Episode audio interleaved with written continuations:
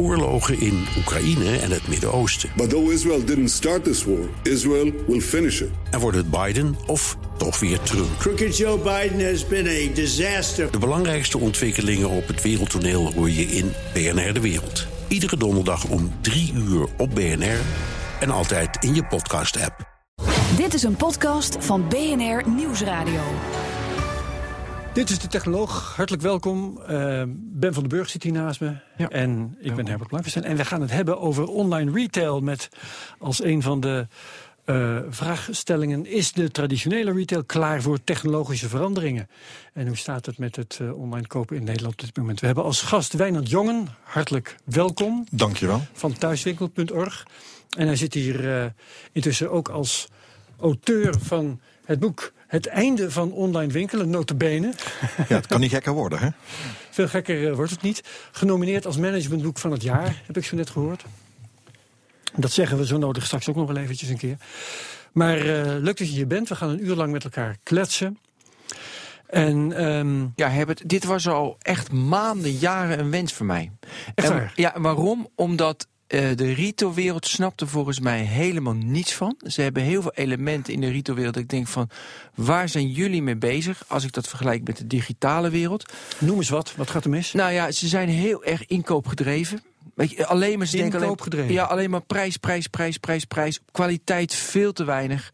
Uh, wat je in de trend ziet, ik kan uren doorgaan, maar een trend ziet van je moet of. Ga zo aan Wijnand vragen of het Ja, precies. Je uh, of je bent Prada, of je bent uh, zeg maar de Primark. Dus het is of duur of goedkoop. Ze blijven er allemaal tussen hangen. Dus er zijn hele makkelijke elementen die je in de bedrijfskunde, in de, in, in, in de digitale wereld ziet. Denk van, nou, dat moet anders. Weet je, dat je ook voor kwaliteit af en toe gaat.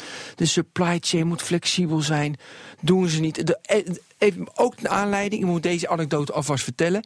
Ik las in de NRC dat de directeur de Blokker, jij weet ongetwijfeld hoe, uh, hoe die uh, vriendelijke man heet, die, die, die vond. Uh, hoe heet dat? Die vond kabouters zo mooi. Die had 50.000 kabouters gekocht. 50.000 Ja, want hij dacht, ik ga kabouters verkopen. en uiteindelijk stonden er natuurlijk 49.459 kabouters ergens opgeslagen. Nou, dit is... En dan zeg je van, Ben, je praat nu echt 15 jaar terug. Nee, dit was vorig jaar. Nou, dit zijn elementen waar ik niets van begrijp. En ik wil heel graag dit uur, en daarom ben ik blij dat Wijnand er is... dit allemaal gaan snappen. Hoe ja. dit ziet. De online kabouterhandel. Wijnand, uh, jongen... Um... Dus je moet naar de bak. Klopt dit, wat, ja, klopt wat Ben dit, zegt? Wat dat zeg. ze er nou, niks van begrijpen in de online... Ik, de, de anekdote over van, van, van Blokker, die is voor mij toch wel wat, van wat langer geleden hoor. Want, die, want dat verhaal dat ken ik al een aantal jaren. Oh, nou ja, dan is het drie jaar geleden, maar het stond vorig jaar in ja. NRC. Ik kan het nu. Ik kan nee, het, nee, maar goed, dat, dat, doet er niet toe. Maar, maar, het gaat om het principe, hoe ja, ze natuurlijk. denken. Nou ja, goed, ik denk dat, dat heel veel traditionele retailers van heel ver uh, zijn gekomen. Um, en nog altijd denk ik dat er heel veel traditionele retailers zijn die denken van nou jongens, uh, weet je, het gaat eigenlijk weer wat beter met die uh, detailhandel. Hè? We, we groeien weer wat. Nou, misschien is het ergste wel voorbij en misschien uh, waait het allemaal wel weer het over. Het ergste van de crisis. Nou ja, de crisis, uh, van, dat, van die teruggang van consumentenbestedingen. Ja. Uh, weet je, misschien keren we wel weer terug naar die goede oude tijd. Hè, waar, ja, waar wij toch als, uh, als fysieke winkels bepaalden hoe wij ons als consumenten gedroegen. En ja, die tijd is natuurlijk wel heel erg voorbij. Gelukkig beseffen ook wel veel retailers dat dat ook wel anders is. En dat het ook anders moet. Maar nog, het, je moet niet onderschatten dat er nog steeds wel wat retailers rondlopen in deze wereld. Ja, die toch uh, met enige sceptisch en, en, en, en ja, uh, terughoudendheid en, en, en reactiviteit kijken naar die uh, enorme ja. veranderende transitie in de retail. Zullen we wel even trouwens, voordat we oh, losbarsten, want we hebben lekker de tijd, we gaan een uur praten, even hebben over de, het perspectief. thuiswinkel.org, jouw organisatie, is al, als ik het als ik moet gokken, van nou 1997 of zo? Nou, een paar jaar later, wij zijn opgericht in 2000. 2000? Ja, oh, dat is dus, later uh, dan ik dacht. Ja, maar ik zit al heel lang. Wij kennen elkaar wat uh, langer dan ja. 2000, hè, want wij kennen elkaar uit de tijd voor toen ik nog ondernemer was. En toen ik uh, met mijn uh, online virtuele winkelcentrum Macropolis. Macropolis? Ja, oh, ja met actief een was met een CD-ROM. Nou, je wilt het allemaal niet weten. Ja, ja, ja. en met de muis navigeren door een 3D-winkelcentrum. En dan absoluut. dingen echt uit de schappen halen en ja, je wagentje gooien. Ja, dat klopt. En nou ja, goed, dat, was, uh, dat heeft het niet helemaal gered, zullen we maar even eufemistisch uh, stellen. Maar het, het, is overigens wel een wereld waarvan ik denk dat die in de komende jaren wel ergens gaat ontstaan. En we hebben dat even gezien met Second Life. Hè, waar, Live, Ja, met virtuality Ja, met denk ik virtual ook. Ja, reality. ik en denk ik, denk gewoon dat we over, we nu, ja. over tien jaar hoop ik, uh, Herbert, zit ik hier weer en ben. En dan, hebben Ja. we, dan, dan gaan we die wereld uh, maar bekijken. is 2.0. Nou, dan maak er maar 3.0 van. Hè? Want dan gaan we wel naar een, met een hele andere techniek en allerlei mogelijkheden. Dat soort werelden creëren waar wij als consumenten gewoon uh, in, in gaan shoppen. Ja. Oké, maar waarom is thuiswinkel.org ooit opgericht? Nou, Thuiswinkel.org is ooit opgericht omdat uh, ik vond dat de belangen van online webwinkels in die tijd, en we praten we echt dus voor de, de, de internet. Uh, omdat ik vond, het was jouw persoonlijk initiatief? Nou ja, ik heb het uh, geïnitieerd. En, Ja, en uiteraard ja. doe je, richt je zo'n vereniging niet alleen op. Hè. Een verenigingsstructuur geeft wel aan dat je dat Ja. met leden doet. Maar ik ben wel degene die daar ja, achteraan gezeten En heeft. jij vond, zei je? Nou, en ik vond, ik vond dat de belangen van die eh, online winkeliers, hè, want ik, ik kwam uit die wereld van online winkels, ja, dat die helemaal niet eh, goed eh, behartigd eh, eh, werden. Hè. Nou, sterker nog, die winkels, die online winkels hadden er helemaal geen aandacht eh, voor.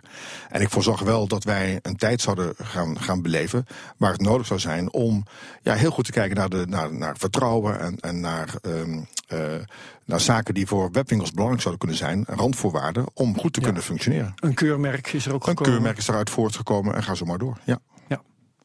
Ja, en, eh, nou ja, ik wil graag gewoon naar het fundament. De, eh, dit is mooi even achtergrond. Maar kijk, kijk, het fundament van wat de digitalisering heeft veranderd, naar mijn idee, dat een, een traditionele retailer die denkt van ik maak een product.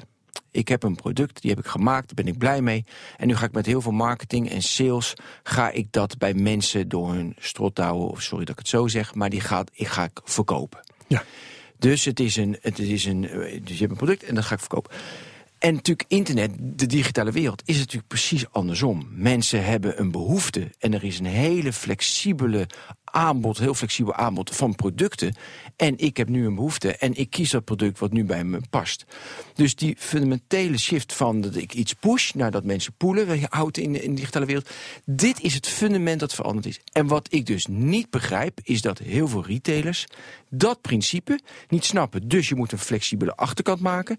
En je moet aan de voorkant precies weten wie je gebruiker is, wat je gebruiken wil. Dat zijn, de- dat Ja. zijn de twee fundamenten. Nou, en dat doen ze niet. Zo te horen echt veel meer van eh, online handel dan ik. Ehm, waarom is dat zo? Dat, dat eh, online eh, de vraag, of de, de behoefte leidend is en niet het aanbod? Bestaat mensen dingen aansmeren online niet meer? Jawel, want dan ga je natuurlijk met allemaal, met allemaal Ja. met een retargeten zal je zorgen dat je dus dan zeg je ook, zeg maar, maar het gaat me meer. Het gaat me er meer om. Tuurlijk doe je dat online ook, want je probeert ook dingen aan te smeren. Maar je moet veel meer naar de. Weet je, in deze tijd, de behoeften van de klant. Die moet, dat is een cliché, maar die staat echt centraal. En dat kan ook, want je kan het nu veel flexibeler. Dus Amazon is altijd mijn mooie voorbeeld. Weet je, en ook Webpicnic vind ik ook een heel, heel mooi voorbeeld. Voor tien uur besteld, de volgende dag in huis. Ze hebben een flexibele achterkant. Ja. En met recommendations weten ze precies wat Ben wil. Daar word ik blij van. En ik word niet doodgegooid met allemaal troep die ik niet wil. Nou, dat principe, dat is een van de principes dat ik niet snap dat de heel veel retailers, heel veel mensen dit principe in de digitale wereld nog niet snappen. Want dit geldt niet alleen, ik ga nog even door met mijn betoog. Dit geldt niet alleen voor retail, maar dit geldt ook gewoon voor content die je maakt. Ja, Weet je, maak ja, ja, je content en dat gooi ik over de mensen uit. Of die ene niche, ik wil precies, ik wil precies Herbert horen, want ik hou van Herbert, die wil ik hebben. Dus het, eh, het geldt dus voor retail en het geldt voor, voor Airbnb. Dat vroeger je had een hotel en dan eh, moest je, we hadden hotels, dan moest je mensen dat hotel intrekken. En met Airbnb, het is een flexibele achterkant en je weet wat mensen willen. Nou, dus dat omdraaien van dat principe, nou, dat zou ik in de retail. Ik begrijp niet dat mensen dat niet snappen. Ik heb Twee vragen aan Wijnand Jonge. Eh, klopt het dat behoefte leidend is en niet zozeer eh, aanbod aansmeren? En ehm, klopt het dat Nederlandse bedrijven achterkant. dat en bedrijven dat niet begrijpen? wat de klanten willen. Ja. Nou ja, ik denk, ik denk dat de fundamentele shift natuurlijk zit in van, van aanbod gestuurd, hè, zoals het vroeger was. Waarbij Ja, ja, overigens de, de retailers eh, geen fabrikant waren, hè, want dat Nee. is- is ook een verschil. Hè, dus die waren gewoon tussenpersoon. Eh, Dat is nou, ook veranderd. Dat is ook veranderd. en hè. daarom dat inkopen, kom- ja, daar komen we zo hè, dus, dus van, van aanbod gestuurd is de, de transitie helemaal naar de kanteling van retail naar, eh, naar vraag gestuurd. En ik denk dat het, het fundamentele verschil tussen datgene van hoe de retail vroeger opereerde en, en nu is het feit dat wij als consumenten eh, ons op een dusdanige manier gedragen. Met behulp van alle technologieën die ons daartoe in staat zijn. En daarin zo snel in, in, anticiperen en, en die technieken adopteren, dat de traditionele retail dat eigenlijk de facto niet meer bij kan houden. Sterker nog, ik durf te stellen dat heel veel webwinkels ons veranderende consumentengedrag de facto niet meer kunnen bijbenen. En dat is een fundamenteel andere benadering en, en stand van zaken, status quo, dan pak een beetje 20 jaar geleden. Want toen ja, bedachten retailers best wel eens een keer iets nieuws. En dan volgden wij massaal en gedwee het, het, datgene wat de, de, retailer ons aanbood. Maar wij vragen nu, hè, wij vragen nu om heel andere uh, type retailers, op heel, om heel andere persoonlijke informatie, om heel andere manieren van, van winkelen. Uh, en, en, en daar, kunnen wij, daar kan de traditionele bedrijfsleven, maar dat, dat geldt eigenlijk dus ook voor, eigenlijk wel voor, voor webwinkels, die kunnen dat veranderende gedrag van die consumenten eigenlijk nauwelijks bijbenen. En dat is het grote fundamentele verandering. Ja, maar ze weten dat het zo is, want ze weten dit. Ja. ja want heb jij in je boek geschreven, jongens, allemaal luisteren, allemaal lezen, dat weten ze. En ja, niet kunnen, dan heb ik altijd van wat moet je doen om het wel te kunnen. Dus waarom kunnen ze het dan niet? Nou ja, nogmaals, ze kunnen het, het, dat gedrag niet bijbenen. En, dat heeft alles te maken met het feit dat zij uh, qua organisatie, qua uh, back-office, qua front-office uh, niet dusdanig zijn ingericht om in te spelen op die veranderende behoeften van die, van die nieuwe, hè, ik noem dat online consumenten, hè, die hun leven 24-7 leven, waar online en het leven dwars door elkaar heen gaat, online offline versmelt. Nergens op willen wachten. Nergens op willen wachten. Ja. En dat vergt dusdanig grote veranderingen in, zeker in traditionele organisaties. Hè. Ik beschrijf ze als ja, een soort analoge, bureaucratische bedrijven. Hè. En die moeten zich omvormen, die moeten transformeren naar digitale netwerkorganisaties. En dat, zijn, dat is een fundamenteel uh, verschil. En daar hebben heel veel bedrijven, en dat geldt niet alleen voor de retail, heel veel sectoren hebben daar enorm veel moeite mee. En, en die worstelen ermee om, dat, om die transformatie tot stand te brengen.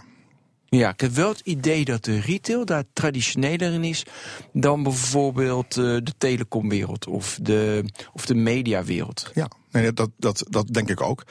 De wereld van uh, retail ja, blinkt niet uit in, in, uh, in, in, nogmaals, ja, in opportunisme en ja. et cetera. En uh, op een aantal grote uitzonderingen na natuurlijk, hè, die die kar trekken. Hè. Dat zijn natuurlijk de grote spelers die je ook al benoemd. Hè. De, de Amazons, de Alibabas van deze wereld, hè, de Zalando's van deze wereld, die, ja, die buiten alle normen om uh, nieuwe businessmodellen uh, in, het, in die retail positioneren. En die worden inderdaad dan ook massaal omarmd door die nieuwe generaties consumenten. Nou, en als je vooral, ik bedoel, vorig jaar hadden wij uh, dat, um, dat event en, en daar sprak, Shopping Today. Shopping Today ja. en daar sprak Picnic en dat, vo ja, dat vond geweldig, ik zo geweldig. geweldig. Want die Absoluut. zorgen dus inderdaad flexibele achterkant en, uh, en de, precies weten wat de klant wil, dus precies ja. wat, wij, wat wij omschrijven. En dan kijk ik naar Jumbo en dan kijk ik naar Albert Heijn en dat leggen ze ook zo verschrikkelijk mooi uit, hè, van uh, dat, dat Albert Heijn gaat nu voor jou, moeten ze om acht uur afleveren, rijdt er een auto naar jou om acht uur afleveren en voor Herbert, die woont twee straten verderop, maar dat is tien uur, dan gaat die auto weer terug en dan gaat hij voor jou om tien uur afleveren. En dan moet natuurlijk een route komen zoals een bus dat doet. Weet het je? vertegenwoordigersprobleem. Nou, maar met dat soort op, dus ja. echt digi dat is digitaal denken. En uh, ja, ik blijf met die. Ik, snap, ik begrijp het dan echt niet. En dan zeg je, ja, het is moeilijk, grote organisatie. En ze denken anders. Maar dat, dat, dat je weet waar de oplossing ligt en dat ze dan dat toch niet pakken. Ja. ja, een puntje van orde is natuurlijk ook dat het enorm veel investeringen en enorm veel geld kost. Hè, want je moet traditionele structuren, organisatievorm, moet je allemaal om, om, om gieten. Uh, ja, dat, dat gaat uh, zeker bij traditionele organisaties niet over één nacht, nacht ijs.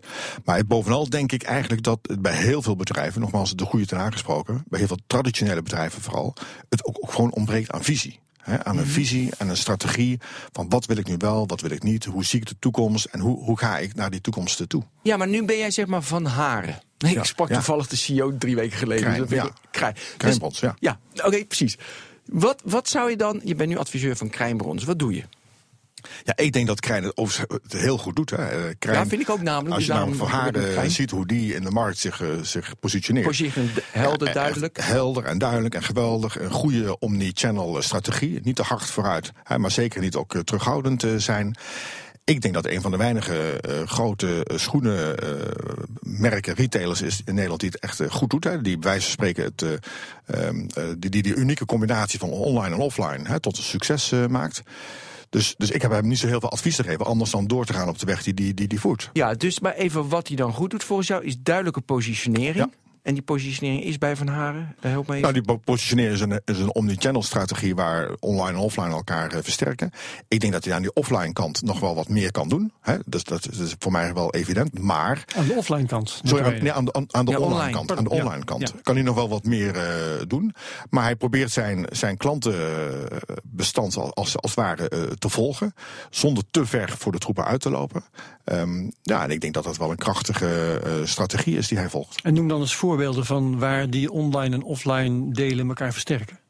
Hoe gaat dat? Nou, ik, ik weet dat niet precies bij Van Haren, hoe dat dan bij Maar haar geef me een ander voorbeeld. Maar een ander voorbeeld is behandelen. Kijk, we zien natuurlijk gewoon heel veel eh, eh, traditionele retailers die in staat zijn om met name in te spelen op die persoonlijke persoonlijke personalisering eh, van eh, die die nogmaals nieuwe technologieën eh, mogelijk maakt. Hè, het, vroeger hadden we een, een oude ka- kaartenbak hè, waar we in konden, konden rommelen. En er zijn natuurlijk zoveel verschrikkelijk veel mogelijkheden waar traditionele retailers ook hè, van gebruik kunnen maken. En dus die combinatie, om die te zoeken en het ervoor te zorgen dragen dat je daar eh, je klanten daadwerkelijk, hè, daadwerkelijk in kan spelen op die behoeften van die, van die Ja. individuele consument. Dat, is, dat moet natuurlijk de kracht zijn van, eh, van de big data, van, van data mining. Dat, ook dat kost weer heel veel tijd en moeite en geld om dat voor elkaar te Ja. krijgen. Maar uiteindelijk is dat wel wat wij willen. Ja, maar dat is, blijft ook een moeilijke. Want dan kom ik ook over. Dan kom ik de, op iBeacons, wifi-tracking Ja. in de shop. En die pilots die ik gezien heb, zelfs ook gedaan heb, is eh, dat de privacy uiteindelijk toch eh, de boventoon gaat voeren. Waarbij. eh, Niet elke klant vindt het leuk. dat, dat, dat de bedrijven zeggen, nou, we wachten nog even. Dus dat ligt best wel genuanceerd. Ja, dat, maar dat heeft ook wel te maken met het feit dat we in een soort tussenfase zitten. Ah. We zitten in een soort. eh, ik denk dat we in een grote retail eh, transitie zitten, maar dan wel in een soort tussenfase, een kantelperiode. die, die nog een aantal jaar gaat duren. Omdat, Zijn al die privacyzorgen iets wat overwaait volgens jou? Nou ja, ik denk dat we dat wel weer, wel weer op zijn. eh, ja, dat het echt wel weer een soort basis vindt, op zijn grondvesten terecht komt. Hè. We- we, we schieten naar boven en we schieten naar beneden met betrekking tot privacyzorgen. CQ, het maar laten gaan van die privacy. Want ja, we moeten toch vooral ook eh, terrorisme en, en moeten eh, pornografie eh, bestrijden en, en dat soort zaken. Nou, dus allemaal heel erg. ehm, eh, ja, bedenkbaar dat dat, dat, dat, zo, dat dat zo is. Ik denk dat dat uiteindelijk. ehm, eh, het was een socioloog, eh eh, Ogborn, die ooit schreef van jongens. bij grote technologische veranderingen. dan, dan krijg je grote pieken en grote dalen. Uiteindelijk appt dat gedrag. Hè, dat, dat, dat appt wel, wordt wel een, weer een soort normaal eh, gedrag. wat we dan met elkaar adopteren. Dat denk ik dat het bij, die privacy, bij privacy, ook Privacy, zo gaat. ja, en is inderdaad van alles vrijgeven was zeg maar vijf, Dat jaar geleden. niet. Nu is er over, een, Ja. zeg jij, is, is te veel. Ja. Herbert, die kijkt er van nou.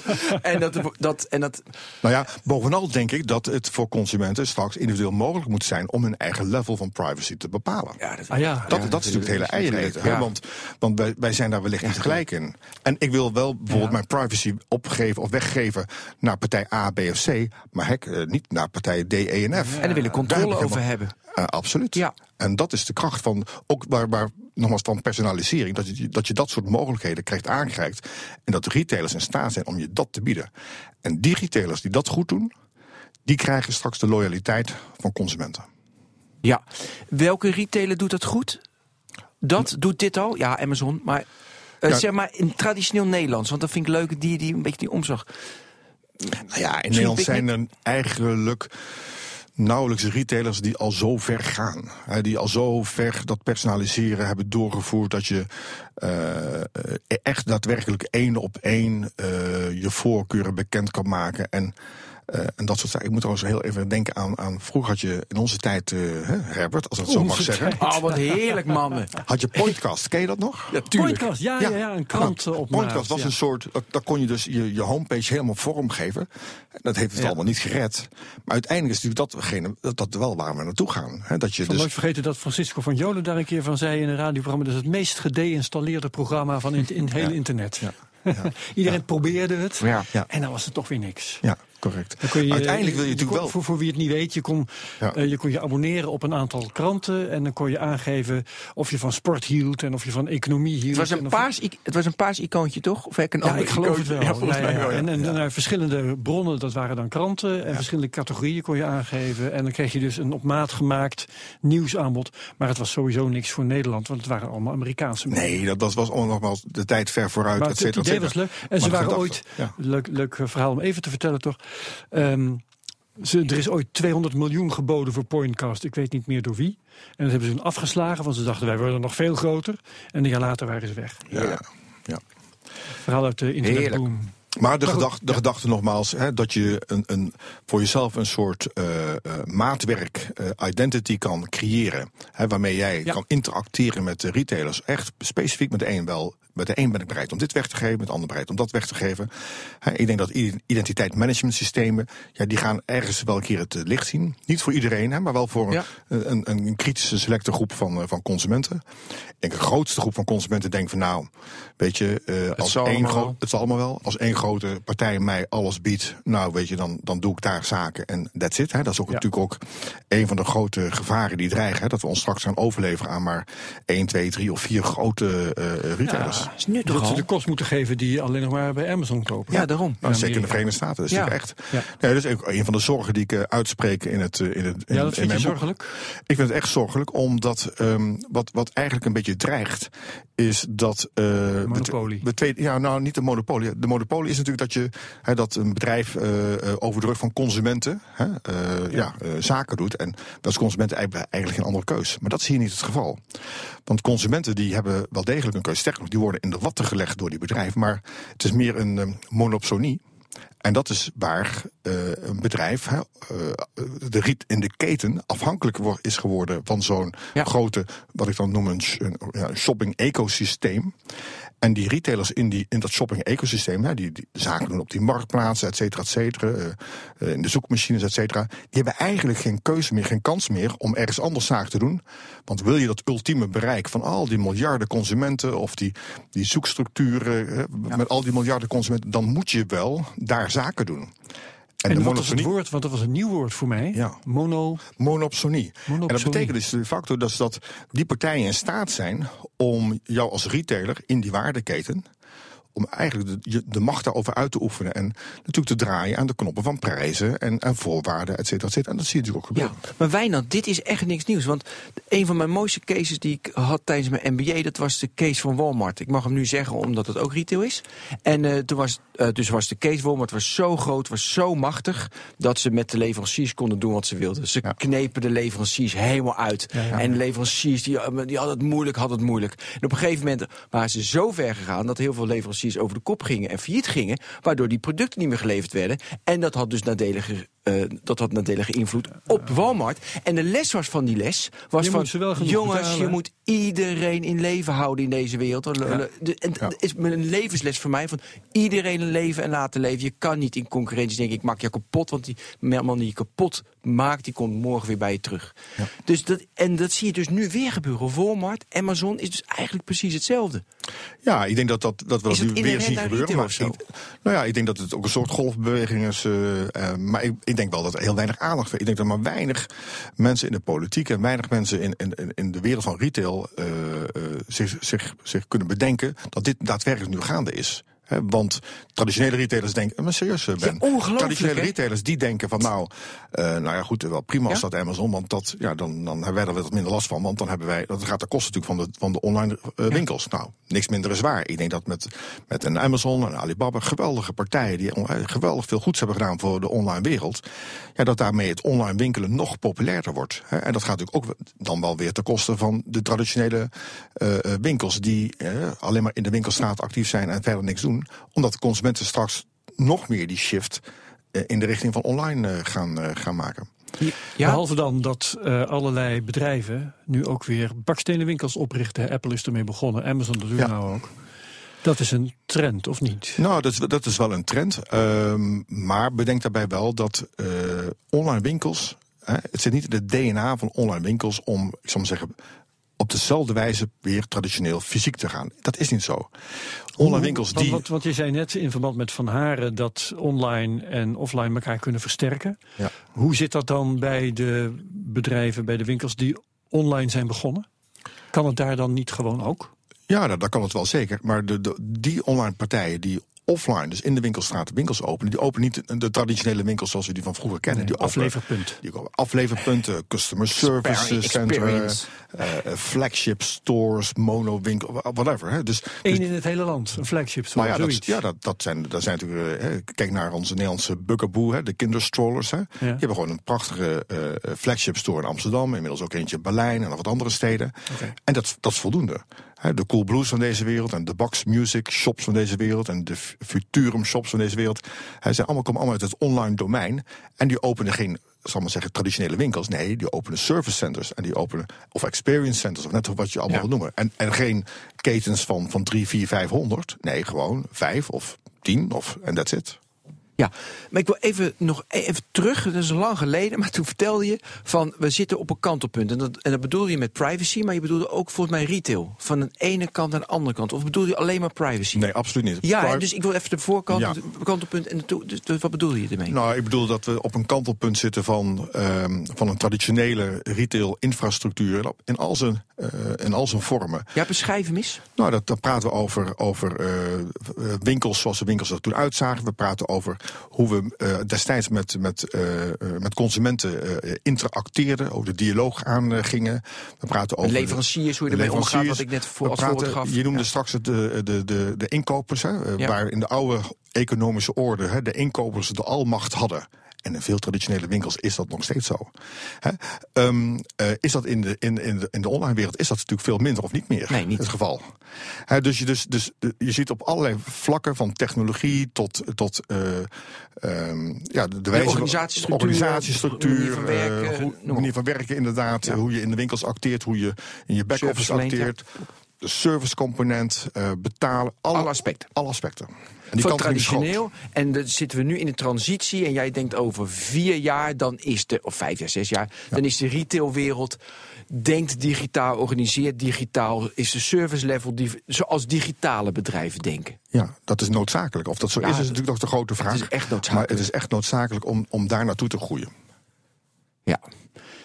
Oké, Eh, ik wil heel graag een. eh, dus wij zeiden van. Ha- Ik wil heel graag nog een case. Want wij zeiden van Haren, jij doet het goed. Maar dat vind ik ook een beetje makkelijk. Dat ja, die doet het goed. Ik moet het allemaal eh, dus nog zien. Of dat uiteindelijk over vijf jaar nog zo is. Dus ik wil heel graag hebben. Heb jij... doet het slecht? Nee, nee, nee. Een retailbedrijf, dit pakken we nu beet. Dan gaan we even de komende vijf minuten. We zijn nu de strategen van het retailbedrijf. Wat moeten we doen?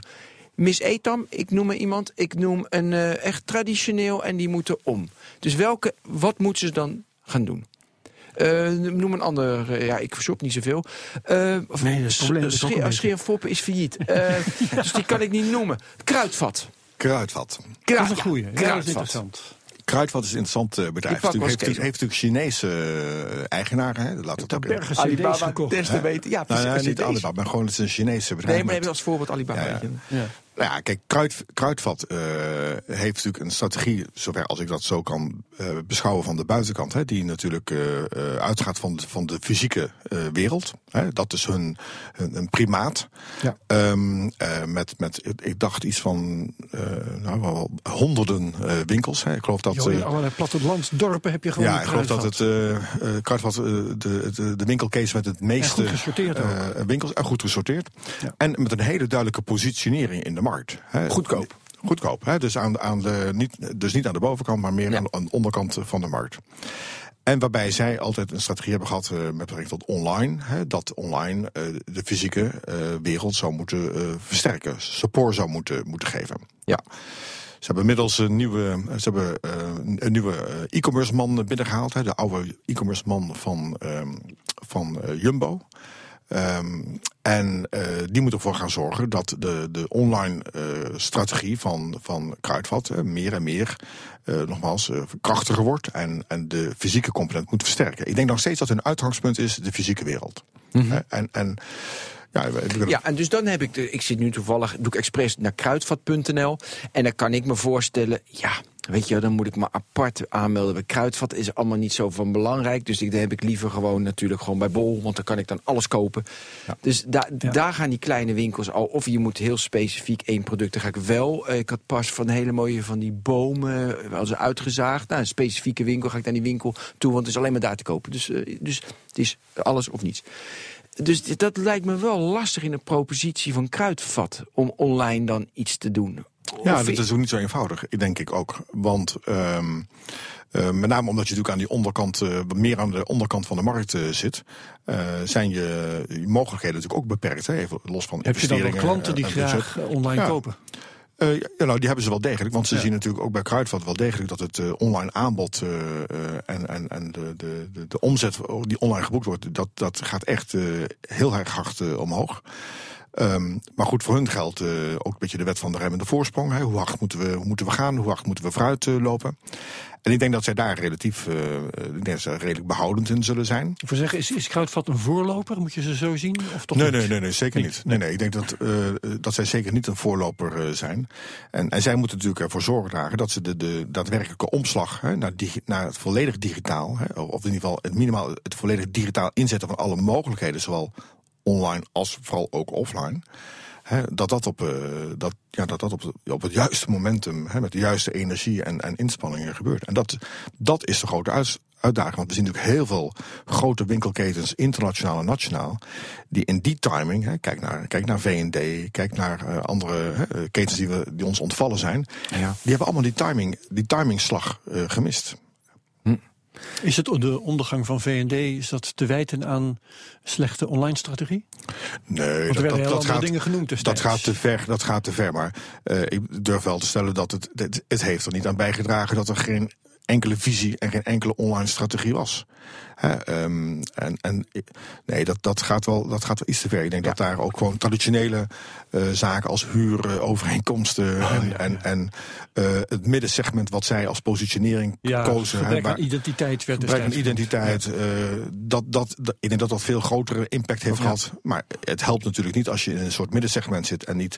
eh, je, bent, je bent van niks ben je, hè? Je ben je eigenlijk iets. Niet eh, kunt kiezen. Ja, niet kan kiezen. En vervolgens eh, onder eh, allerlei fysieke winkelketens ziet komen die echt helemaal dwars en, en links en rechts over je heen gaan. Ja. Tegelijkertijd online pakt een groot marktaandeel af. En andere partijen die, die gaan naar de bovenkant toe en pakken daar het marktaandeel. Ja, dan blijft er niet zo heel veel meer over. Ja, nu ik wil even dus naar Kruidvat. Voor mij zoeken we het dan snel in. Oh, ze hebben online omnichannel. We hebben ook iets mobiel en we hebben eh, op alle kanalen. Volgens mij gaat er iets aan vooraf. Want dat is wat ik aan het begin zei. Ze moeten in de organisatie inderdaad flexibel in kunnen kopen. Vandaag besteld, morgen, morgen geleverd. En in die omnichannel bij al die klanten die klantenvriendelijk zijn, eh, volgen, de, de behoeften van die klanten weten. Maar dat zit dus veel meer in je organisatie, wie je bent als manager, wie je bent, wie die, eh, hoe, hoe, je bent als leider, dan in of je nu wel of niet een mobiele website hebt of een, eh, of, eh, of een normale website. Weet je, dat is eigenlijk een uiting van wie je bent. En mij valt op in de cultuur, want ik spreek natuurlijk best wel veel mensen, is daarom wil ik ook graag dit onderwerp doen. In de retailwereld is die cultuur zoveel eh, conservatiever dan in andere digitale werelden. En we weten de geschiedenis, dat heb je al een beetje verteld. Maar het is best wel belangrijk dat, wat we dan moeten doen om die mensen mee te krijgen. Jouw boek helpt mee, maar wat we nog meer moeten doen. Ja, ik, ik denk dat je. Wat heel goed zou zijn, is als je jezelf als, als eh, CEO of, of eh, leidinggevende van zo'n bedrijf, je jezelf afvraagt van jongens, voor wie ben ik nou uiteindelijk op aarde? Mooi. Ja, Daar en- begint het allemaal, Wijnand. Ja, maar en ja. ook Herbert. Ja, maar goed, en dan wordt er al heel plat gezegd van nou de klant en zus en zo. Hè, maar ik, ik durf te stellen dat heel veel eh CEO's nauwelijks, eh, eh, nou, een beetje zwart-wit, hè, maar nauwelijks idee hebben voor, voor wie ze uiteindelijk hè, in de komende jaren ehm, eh, in de markt zijn. Hè, ik hoor heel veel in boardrooms, hoor ik CEO's zeggen van nou. Ja, maar die digitale ontwikkelingen, eh, ik, ik weet het eigenlijk allemaal wel. Want eh, ik heb ook eh, kleinkinderen en die zitten ook allemaal met een appje en zo. En met, hebben ook een iPad. Nou, dus, dus je hoeft mij eigenlijk niks meer te vertellen. Ja, en het, er is natuurlijk niks minder is natuurlijk waar dat, dan, dat, dat zij niet kunnen doorleven. Hè, echt Ja. daadwerkelijk doorleven van wat er met die nieuwe generatie consumenten aan de hand is. Ehm, en hoe die op een totaal andere wijze zich dingen eigen maken aan het shoppen zijn. Ik denk dat die hele nieuwe, ik noem dat de, de online generatie, hè, die echt daadwerkelijk opgroeien met, met digitaal en met. Ja, die, die, die, die winkelt, die denkt anders, Ja. die, die, die eh, ja, doet echt alles anders. Ja, Gaat die ook niet meer naar bakstenen winkels? Natuurlijk wel, ook wel, denk ik. Ja. Ik denk dat het is altijd, het is altijd en-en. Maar die verwachten wel dat die customer journey die ze thuis ergens zijn aangegaan, hè, of onderweg in de trein of weet ik veel wat, dat die zich doorzet in de winkel. Zeker, Frictionless. zeker als je dan al klant bent. Ja. Hè, als, je nog, als je hebt gekozen voor die un, of, uh, anonieme identiteit is een ander verhaal. Maar als ik Mhm. gewoon een goede klant ben bij een van de bedrijven die we hier genoemd hebben, ja, dan wil ik, verwacht ik wel dat ik mijn, mijn, mijn, mijn customer journey, mijn, mijn kooppad, hè, dat ik dat gewoon in die winkel gewoon door kan zetten. En niet dat ik dan helemaal weer opnieuw moet gaan beginnen. Dat je daar wordt herkend en dat daar je heb in. gedaan hebt en alles. Ja. Hey wat, doe jij omdat je zegt je moet als CEO je onderdompelen en je kan het wel zien wat je kleinkind doet, maar je moet ook echt dat ervaren. Wat doe je zelf om het echt te voelen wat deze tijd van een mens vraagt? Nou goed, wij proberen in ieder geval. Ik heb zelf een Maar organisatie. ja, zelf een organisatie met, een, met eh, ongeveer een kleine 50 eh, mensen. Wij hebben intern gezegd, wij moeten die kanteling zelf ook eh, maken. Hè, Je want hebt nou over we thuiswinkel.org. hebben het nu gewoon over thuiswinkel.org.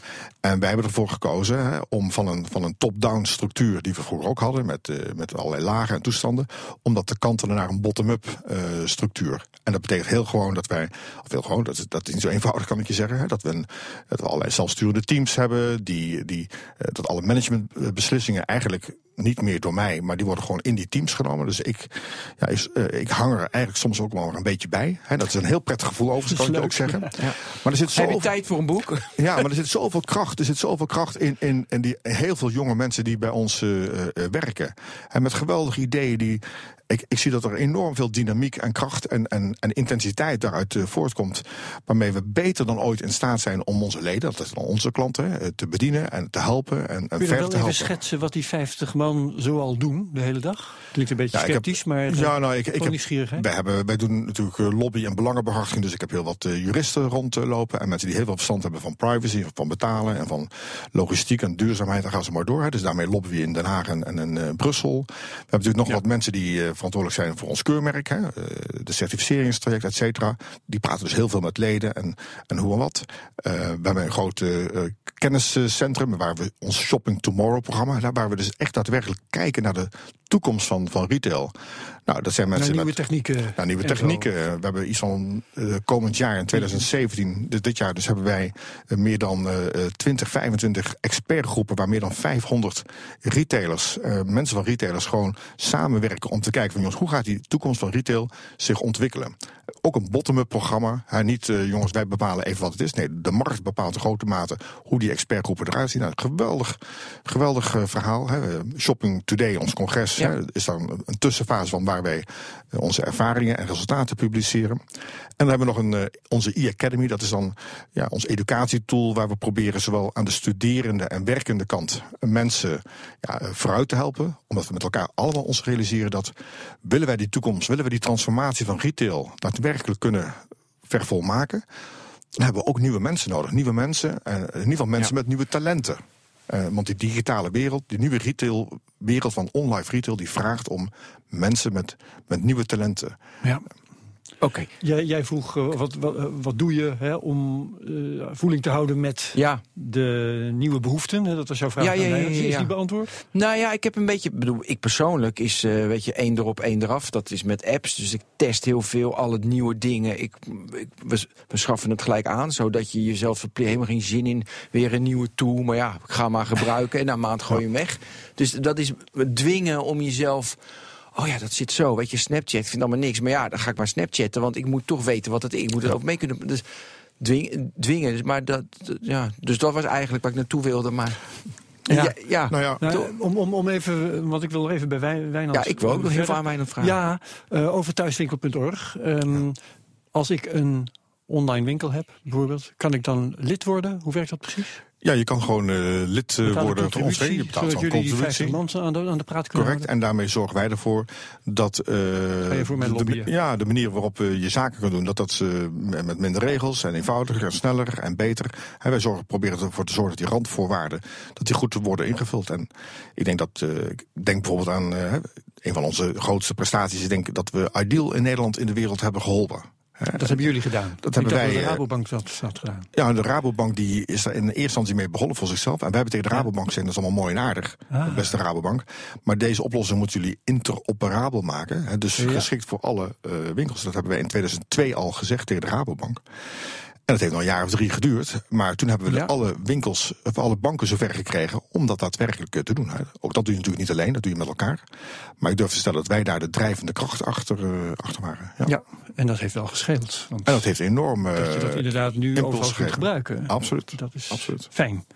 Ja, wat Nou, ik wil, nog? ja, nog een- bijvoorbeeld, terwijl we het net over hebben, kort, ik wil daar dieper op ingaan, is van eh, of weet je, je gaat eh, op massa of je bent dat ene kleine niche en veel mensen blijven ertussen hangen.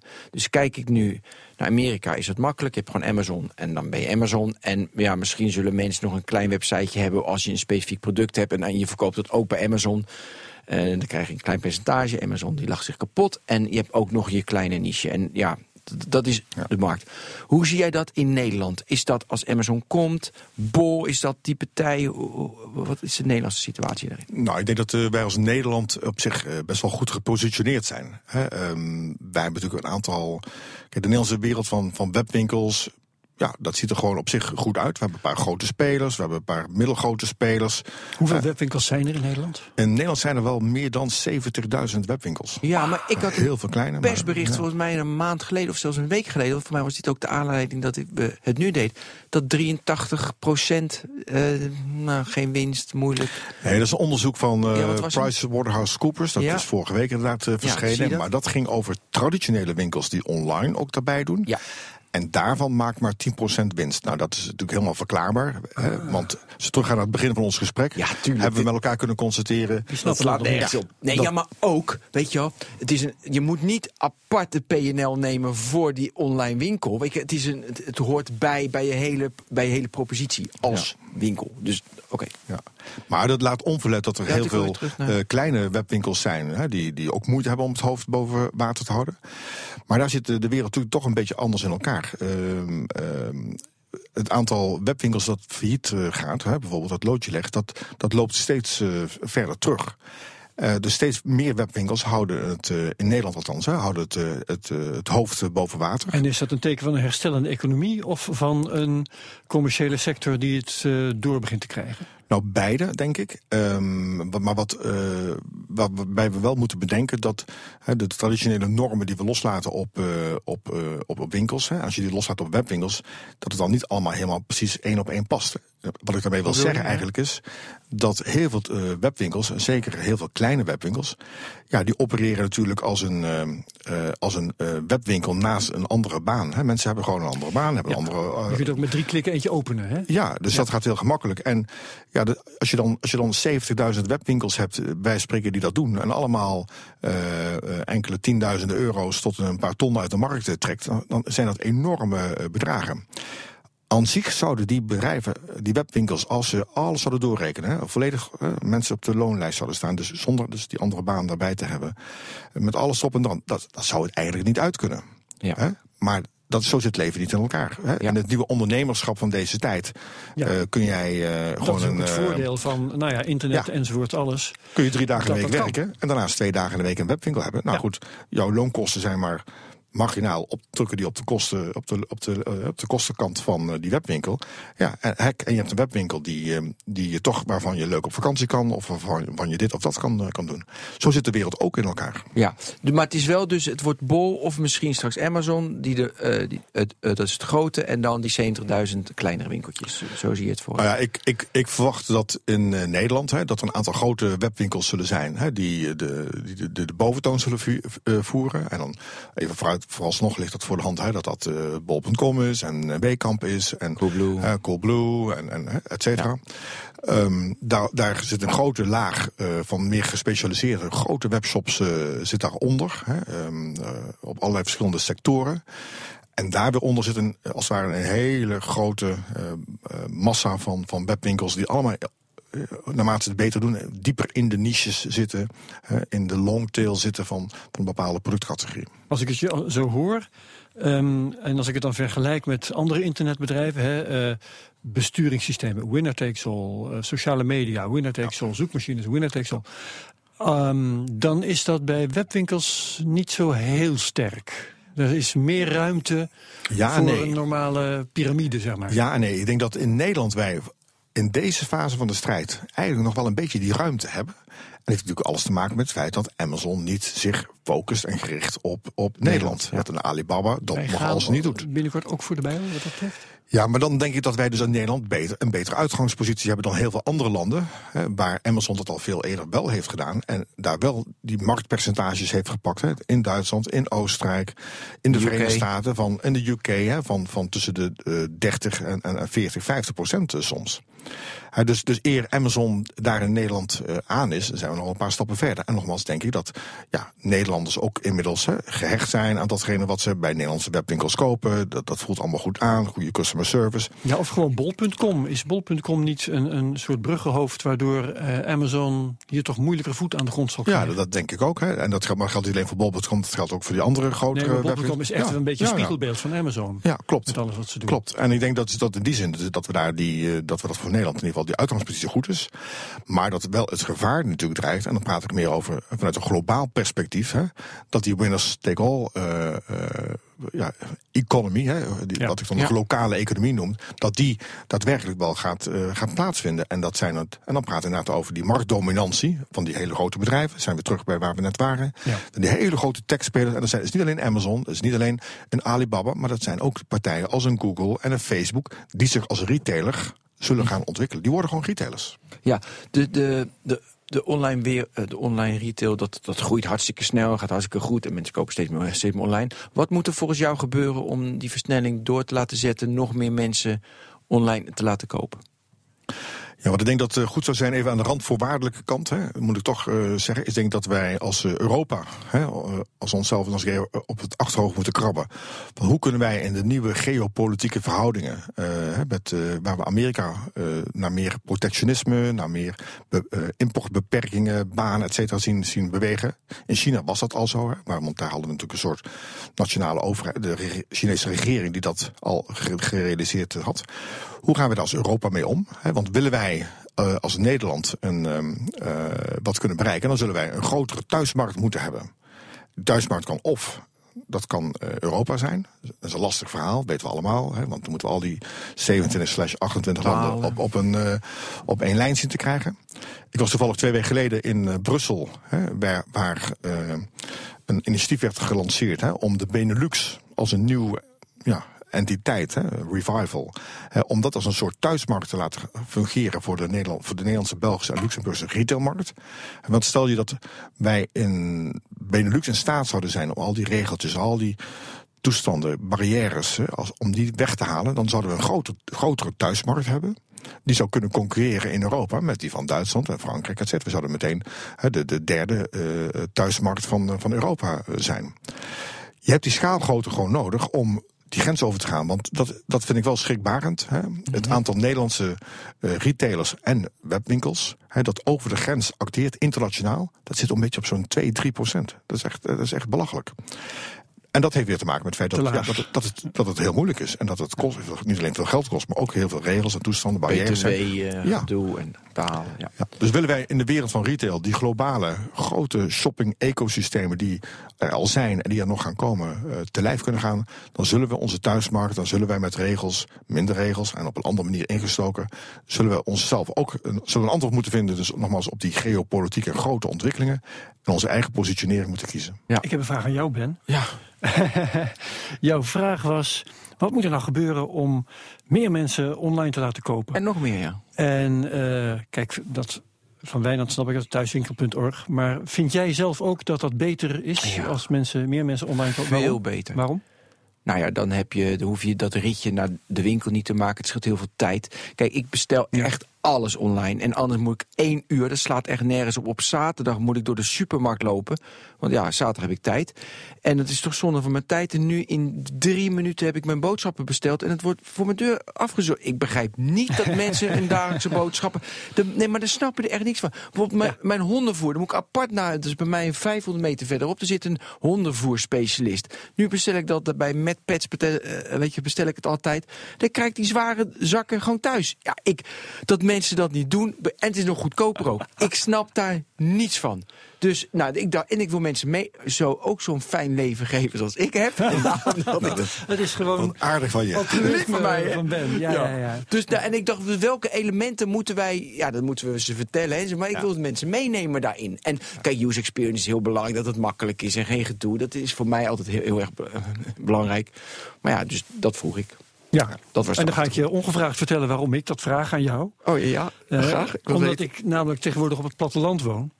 En uh, uh, door begint te krijgen hoe leuk het is om uh, voor het ene ding naar het ene winkeltje te lopen. En voor het andere ding naar het andere. En een praatje te maken. Mensen te ontmoeten. Ja.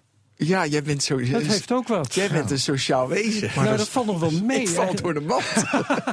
nee, ik weet niet of ik zo vreselijk sociaal ben, maar ik, ik, uh, ja, dat is ik heb jaren, of eigenlijk mijn hele leven, heb ik in de Randstad gewoond. En, uh, en nu woon ik op het platteland. En dan ontdek ik hoe leuk dat is. Is toch heerlijk ook? Ja, ik ga ja. gewoon een ja. bouw hooi halen bij die. En ik uh, geef mijn fiets in reparatie bij die. En nou ja, al die dingen. Ja. Ik ga boeken halen daar. Ja, maar dat doe ik dus met koffie drinken dan ergens, want dan kan je ontspannen. Maar goed, ja, dat, dat is het. Nee, okay. uh, we moeten het ook nog hebben over echt hoe de toekomst, weet je, uh, hoe, de, hoe de toekomst van winkelen in jouw visie ja. eruit Ik wil nog even iets weten over de consument. Ja, oké. Okay. Want daar hebben we het voor mij nog niet zo heel erg veel over gehad. Um, wat was het ook weer? Oh ja, um, ik weet nog dat, dat ik uh, door een aantal aankopen... dat ik door begon te krijgen dat je echt niet altijd op die allerlaagste prijs... die race naar de bodem... Um, op een gegeven moment ben ik gaan besluiten als ik iets zocht om online te kopen, want dat deed ik en dat doe ik ook echt nog altijd wel. Um, dat ik ging kijken, oké, die is de goedkoopste, maar die neem ik natuurlijk niet, want dan zal de service, service wel kloten zijn. Dus um, ik ga eens even kijken van wie niet de goedkoopste is, welke dan. Nou ja, en dan kwam ik vaak uit bij uh, een van de bekende grote clubs die en een lage prijs en een behoorlijke service bieden. Maar kun jij zeggen, Wijnand, hoe dat tegenwoordig zit? Heeft de consument in het algemeen gesproken dat intussen ook door, dat hij niet alleen maar de prijsvergelijker pakt en naar de laagste prijs gaat? Of doet hij dat nog steeds wel? Nee, ik denk dat uh, natuurlijk is er een groep van consumenten die dat, die dat wel doet, hè, maar die mm -hmm. komen vaak van een koude kermis uh, thuis. Mm.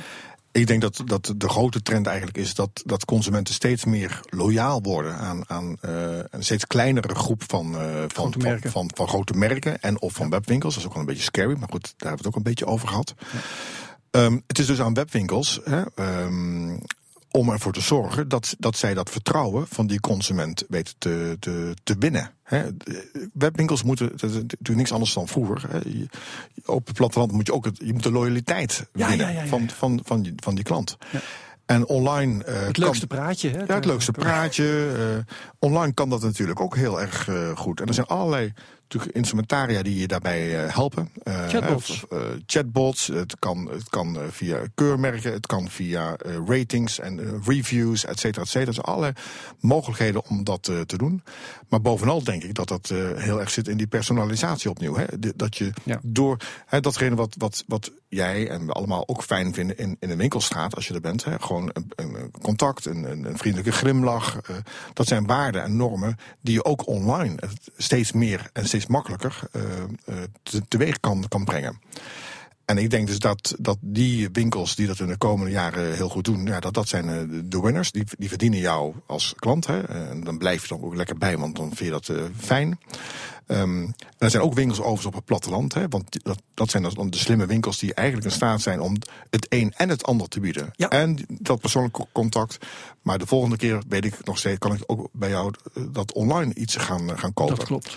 En, en, die, dus het is die bundeling van traditionele waarden als, als, als uh, klantvriendelijkheid en persoonlijk contact en een warme glimlach en, en inclusiviteit. Gevoed en gecombineerd en versterkt door, door nieuwe dig, digitale technieken. Ja, die uiteindelijk denk ik uh, zorgt dat je een survivor bent. Of je dat nou in de winkelstraat bent, op het platteland of online. Ja, maar wat je dan... Dat zet ik nog even tegen jou, Ben. Ja? Dat is zo leuk. Ik, uh, naar aanleiding van wat Wijnand nou zegt. Ik koop mijn boeken, uh, als het even kan, bij boekhandel Rutgers in Varsenveld. Zijn die ook een keer genoemd. Ja, en, want daar, ik kan online bestellen. Ja.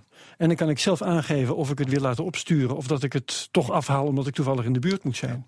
Dat kan allebei. En het is eh, precies dezelfde voorwaarden. En doe je dat om hem te sponsoren? Want ik, ko- ik koop ook wel mijn boeken soms bij Van der Ven in Soest. Want ik wil ze eigenlijk sponsoren. Omdat ik dan bij Bol, weet je, is lekker makkelijk bestellen, klaar. En dat doe ik vaak tussendoor.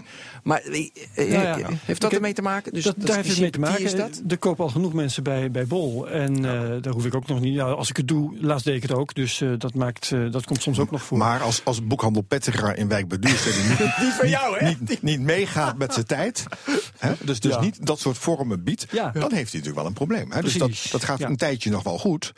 Maar uiteindelijk maak je toch de keuze van ja, jongens, eh, vind ik dat, eh, heb ik de moeite, Ja. vind ik het de moeite waard om daar naartoe te gaan, en et cetera, et cetera. Ja. Dus die moet blijven aardig. innoveren en die moet meegaan eh, met die tijd. Even over want dat is wat je moet doen. Brandbuilding, wat je natuurlijk steeds meer ziet, dat dan toch weer traditioneel. Weet je, je, je zou kunnen zeggen: ik heb zeg maar 100.000 klanten die mij iets kopen. Dus er hoeven maar 100.000 mensen mij te kennen. Maar wat je natuurlijk steeds meer ziet, ja, dan gaan ze toch weer gewoon een brand bouwen. Coolblue, advertenties op tv. En ehm, die jongens uit het noorden van het land, Jeroen en Jeroen. eh even naam kwijt. Ja, die. Ook weer brandbuilding. Kan je daarover uitweiden hoe belangrijk dat is? Want ik, dat, doet ze ook een beetje. Het is een beetje traditioneel natuurlijk, brandbuilding. Want je hoeft maar die ene persoon moet je, te- eh, moet je, moet je te vriend houden. Ja, nee, brandbuilding is, eh, is cruciaal. En, en daar zullen de retailers ook met name de strijd moeten aangaan. eh, zowel qua positionering als qua brandbuilding met, met, eh, met de merken.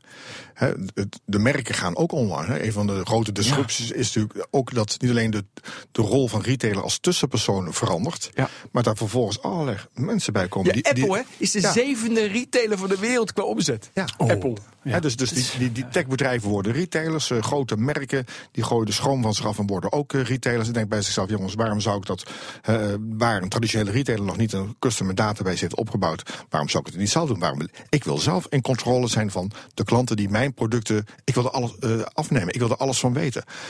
Dus brandbuilding wordt, wordt steeds eh, belangrijker en we zullen dus ook gewoon alle, nagenoeg alle grote Ja. eh, merken zullen we gewoon in het online landschap en ook in het fysieke landschap zien terugkeren. Kijk, ik denk in de, in de digitale wereld, en val me alsjeblieft aan dat je maar kan onderscheiden op drie manieren. En dat is brand, dat is user experience, dat je er gewoon de allerbeste user experience, en dat is service, dat je gewoon een heel goed Ja. vriendje bent. En, je, Die- en, en prijs is nog wel een dingetje hoor. En ja, maar kijk, als je dit heel erg goed doet, weet je, wel, ik betaal lachend 2500 euro voor mijn, eh, eh, het- ja, dus voor mijn MacBook Pro. Zeg, ja, dat is Ben is gestoord. Dat klopt. Maar weet je, dat, ik denk.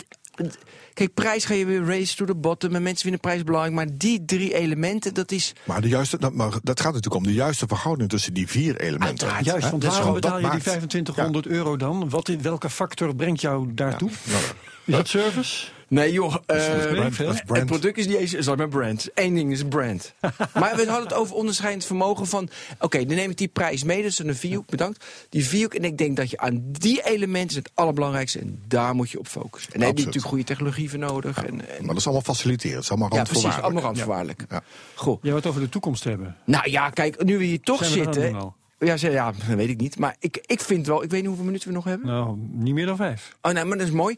Ik wil even jouw toekomstbeeld hebben. Ik heb dat natuurlijk wel heel duidelijk, maar ja, dat zegt niks. Het gaat om jouw toekomstbeeld. Ja.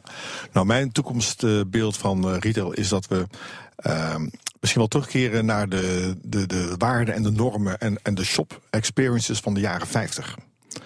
En, en, Welke waren dat?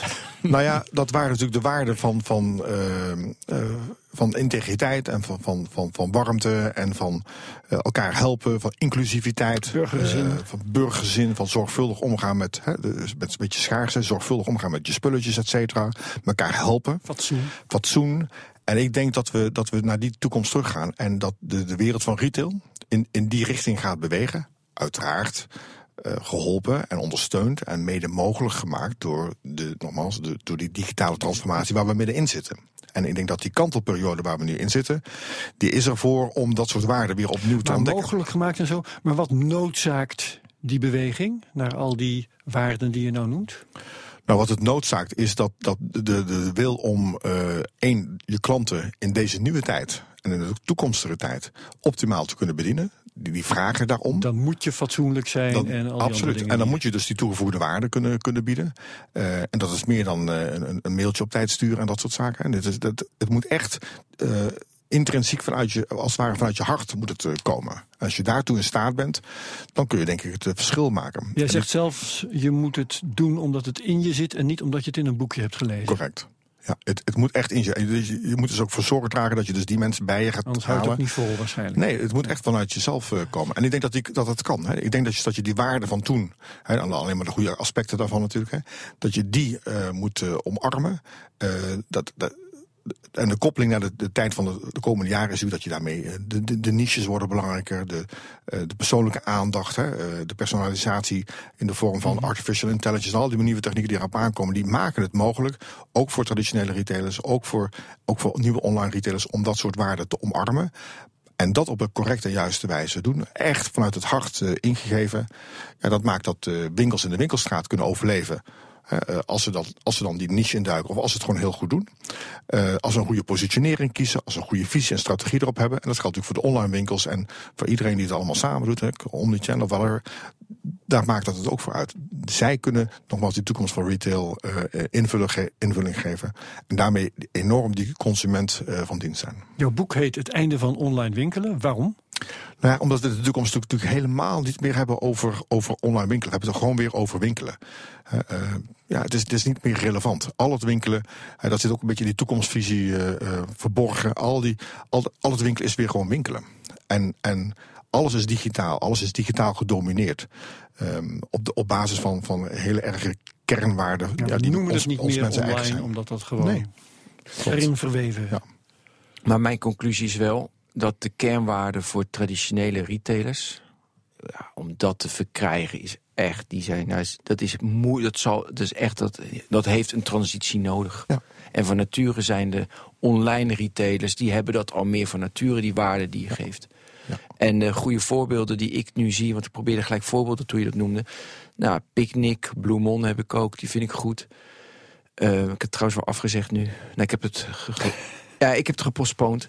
Eh Coolblue, daar heb ik weinig ervaring mee, maar ik denk het wel. Ik Heb je, eh, het- dus Wijnand, heb je zelf nog, nu je een selfie neemt, heb je nog zelf voorbeelden? Die Nee. dat heel, heel erg goed doen? Ja, je hebt, je hebt natuurlijk een aantal voorbeelden al, al genoemd. Ehm, Want ik vind Amazon namelijk, dat vind ik toch ook onpersoonlijk. Ja, ik zie, ik zie het ook vooral in, in het buitenland heel veel goede. Nee, maar noem maar, noem maar. Want we ja, nou ja, goed. Ik, ik bijvoorbeeld een, een, een, eh, eh, origami.com, een Japanse eh, retailer. Ja, je, krijgt, je krijgt het niet bedacht, maar die doet dat, eh, die doet dat eh, geweldig. Ehm, ehm, ook een retailer die gewoon ook een nieuwe rol aanvaardt. Hè? Dus, dus dat zie je natuurlijk. Een van de grote punten is natuurlijk dat retailers omarmen nieuwe rollen. eh, eh, gaan nieuwe branches in, brancheervaring, al dat soort nieuwe, omarmen nieuwe businessmodellen. En dat is een, een goed voorbeeld van, zo, van zo'n partij die dat op, ja, op een buitengewoon een goede manier doet. Komt er een moment over 10 jaar, 20 jaar, weet ik het, dat jij zegt: nu is het doel bereikt, nu is online retail is af. Nee, dat, dat gaat natuurlijk nooit komen. We blijven natuurlijk, ik bedoel, we kunnen ons nog Nieuwe niet. techniek ontwikkelen. Ja, we kunnen ons natuurlijk niet. Al die grote nieuwe technologische ontwikkelingen die we nu zien gebeuren, van, tot, van, van kunstmatige eh, intelligentie tot, tot 3D-printing, eh, big data, Internet of Things, eh, eh, robotisering, VR, eh, blockchain. We hebben geen flauw benul. VR, AR. We hebben geen flauw benul van hoe dat hoe dat over een aantal jaren eh, eh, zijn impact gaat krijgen. Wij dachten toen met Macropolis dat eh, virtueel winkelen op zo'n schijfje met, Ja. met een beetje rondrijden in zo'n wagentje door zo'n zo'n winkelstad, op, ja, dat, dat het het zou worden. Omdat dat in ons vermogen het enige was wat we konden bedenken. En, en we zijn nu een paar stappen verder, maar ik denk dat we dat echt nog niet kunnen beleven. Ik denk dat die wereld van retail echt zodanig in transitie is dat we nog prachtige tijden tegemoet gaan. Dankjewel, Wijnand Jonge. Wat ik wel nog even wil zeggen, dat Ja, doen we dan nee, dat doen we een, vol- een volgende keer. Ik heb een beetje gemist het onderscheid tussen low interest en high volume. En weet je, dat, soort, dat het onderscheid maakt in, eh, maakte in retail. Dat kunnen we volgende keer doen. Onwijs bedankt. Jij ook bedankt, Ben van den Burg. Herbert ook bedankt. Mijn naam is Herbert Blankenstein. Dit was De Technoloog. Het ging over online retail. En volgende week gaat het weer over iets anders. Tot dan, bedankt. Dag. Even een selfie maken? Ja, lukt die? Herbert, jij moet naar voren. Volgens mij. Echt waar? Als je naar voren. Right.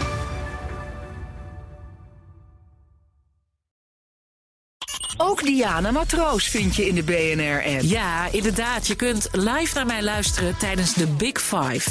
Ook handig in de BNR-app. Breaking nieuwsmeldingen, maar ook het allerlaatste zakelijke nieuws. En je vindt in de app alle BNR-podcasts, waaronder Wetenschap Vandaag. Download nu de gratis BNR-app en blijf scherp.